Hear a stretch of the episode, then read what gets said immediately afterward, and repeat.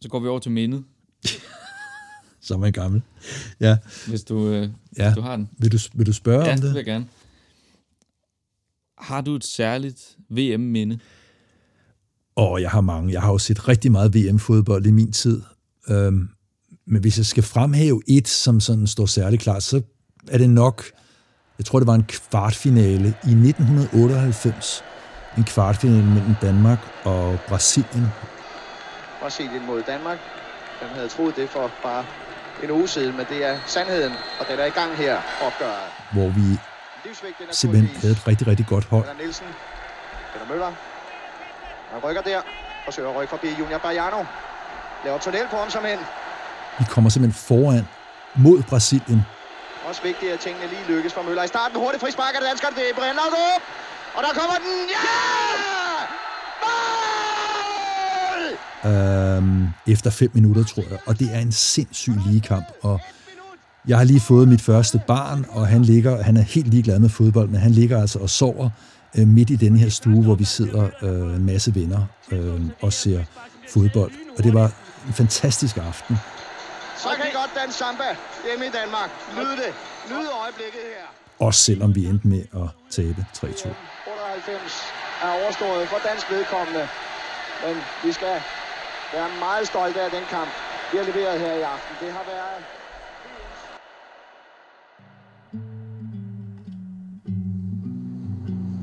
the winner to organize the 2022 FIFA World Cup is Qatar.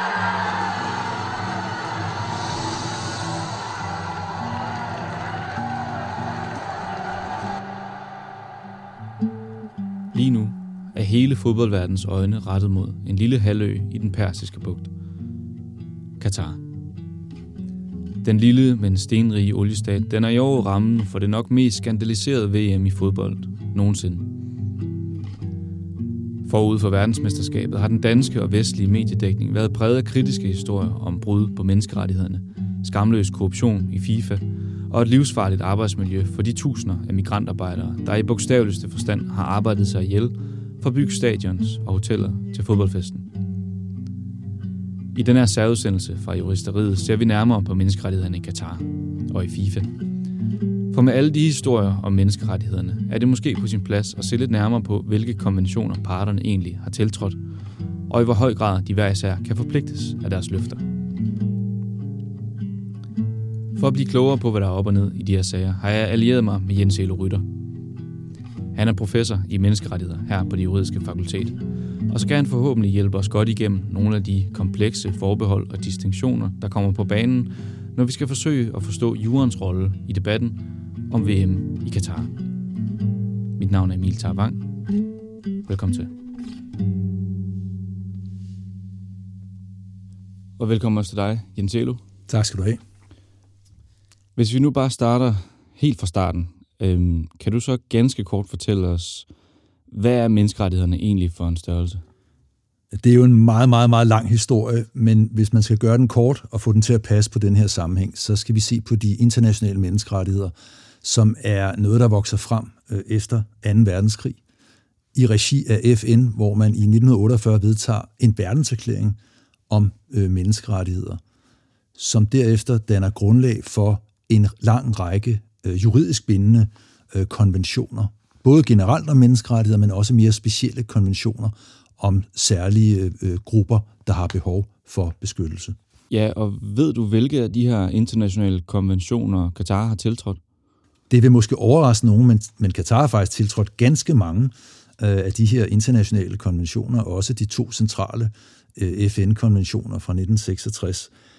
Øhm, der er så en øh, markant undtagelse i den her sammenhæng, vil jeg sige, som man ikke kan lade være med at lægge mærke til, og det er, at øh, Katar har ikke tiltrådt konventionen om beskyttelse af migrantarbejdere og deres familier fra 1990.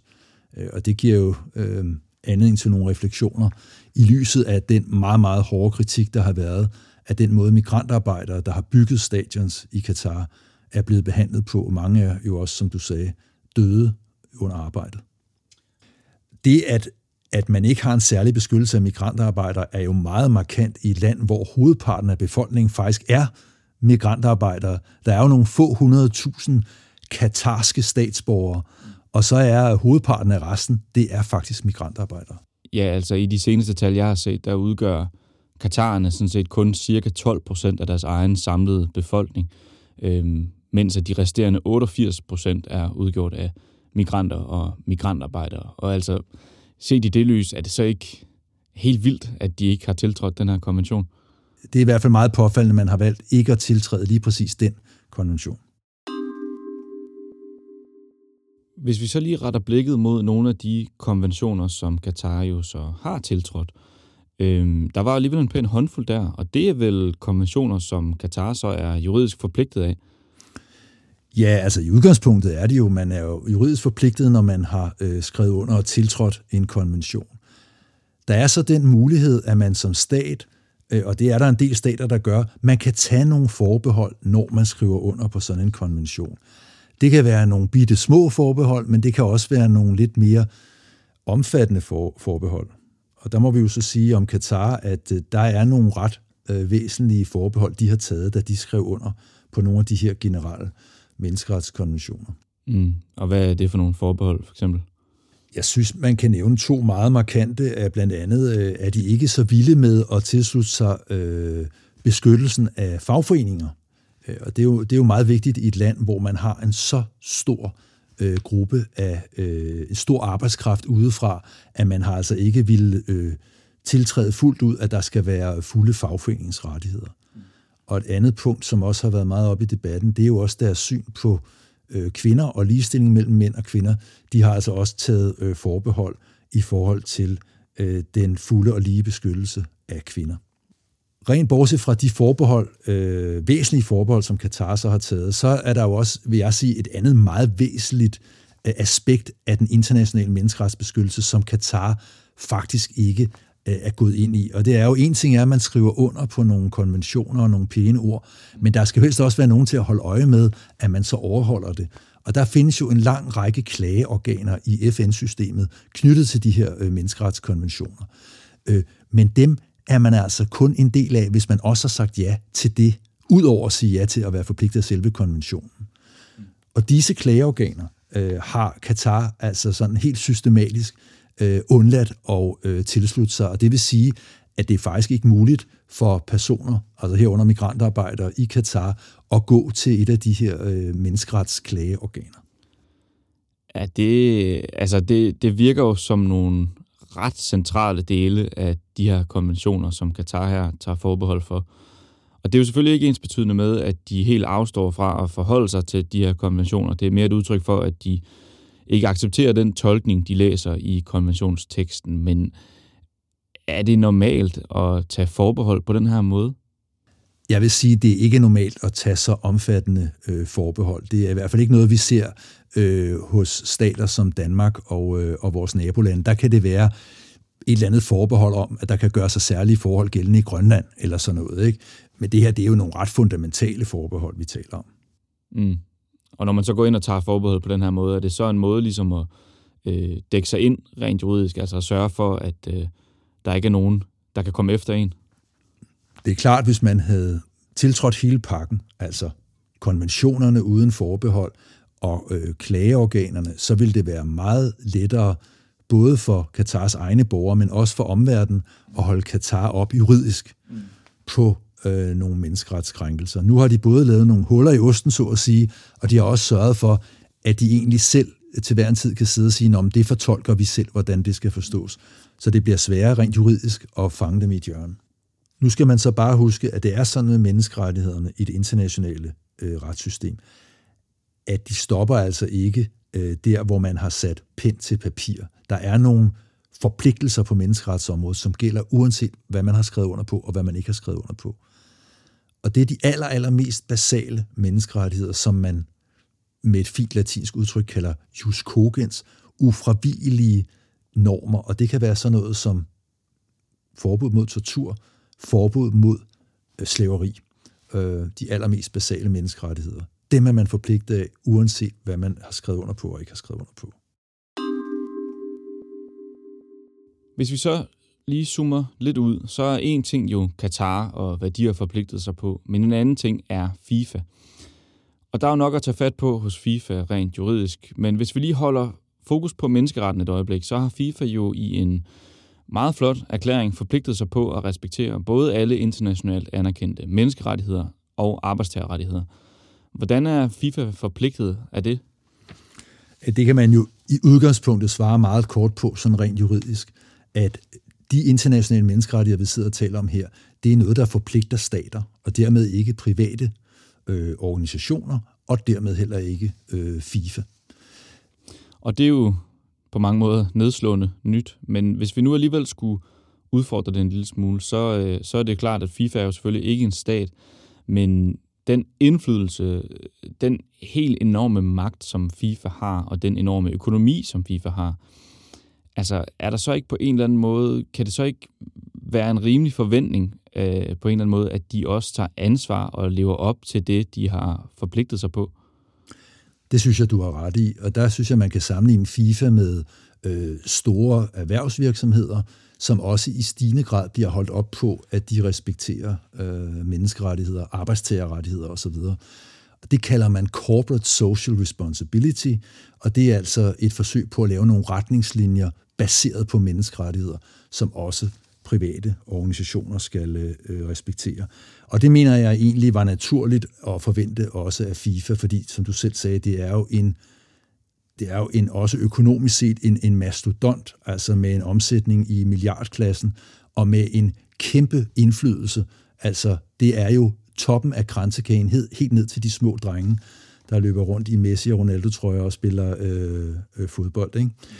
Og så er der jo også det at, at, at sige, at øh, de jo på en måde har monopol på øh, hele den internationale fodbold. Det ser vi jo også i de her dage, hvordan det er FIFA, der sidder og fortæller, hvad folk må spille med af tøj, og hvad de må sige, og hvad de ikke må sige, hvis de gerne vil blive ved med at spille øh, VM. Så det er jo en fantastisk dominerende position, de har inden for international fodbold, som er verdens mest populære øh, sportsgren.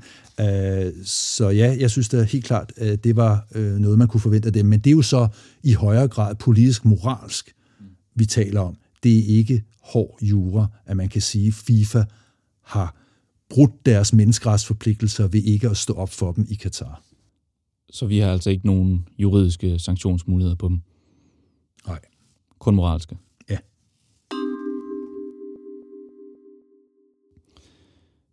Jeg kunne godt tænke mig at slutte af med at spørge, øh, nu er der jo blevet talt enormt meget om menneskerettighederne i forbindelse med den her slutrunde.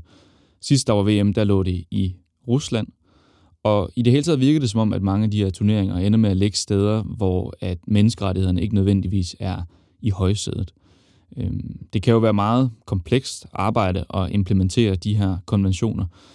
Så jeg kunne godt tænke mig at slutte af med at spørge, hvor rent skal det egentlig være, synes du, før at vi kan støtte op om et VM? Ja, det er jo et utroligt godt spørgsmål, og det, har, øh, det kan alle jo have et svar på, øh, eller en vurdering af.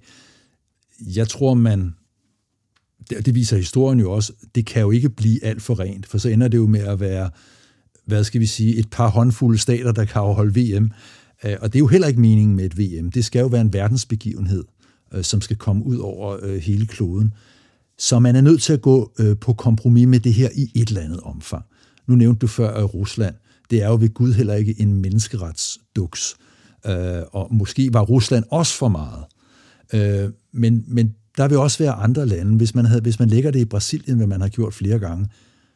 Der er også problemer, måske i mindre omfang end i Rusland, men det er umuligt at, at vaske det fuldstændig rent, hvis man stadigvæk vil have, at det skal være den her øh, begivenhed, der kan finde sted rundt omkring på kloden. Så et, et element af kompromis må der være, men spørgsmålet er også, kan det ikke også blive for slemt? Øhm, og det her dilemma, det er jo et, vi kender også fra alle mulige andre øh, forhold i verden, når vi taler samhandel, når vi taler udviklingsbistand osv. osv. Så det er et meget, meget kendt dilemma mellem idealisme og ja, realisme. Ikke? Mm. Skal, du, øh, skal du se VM i år? Nej, øh, jeg har tænkt mig at springe VM i Katar over. Tak fordi du kiggede forbi. Selv tak.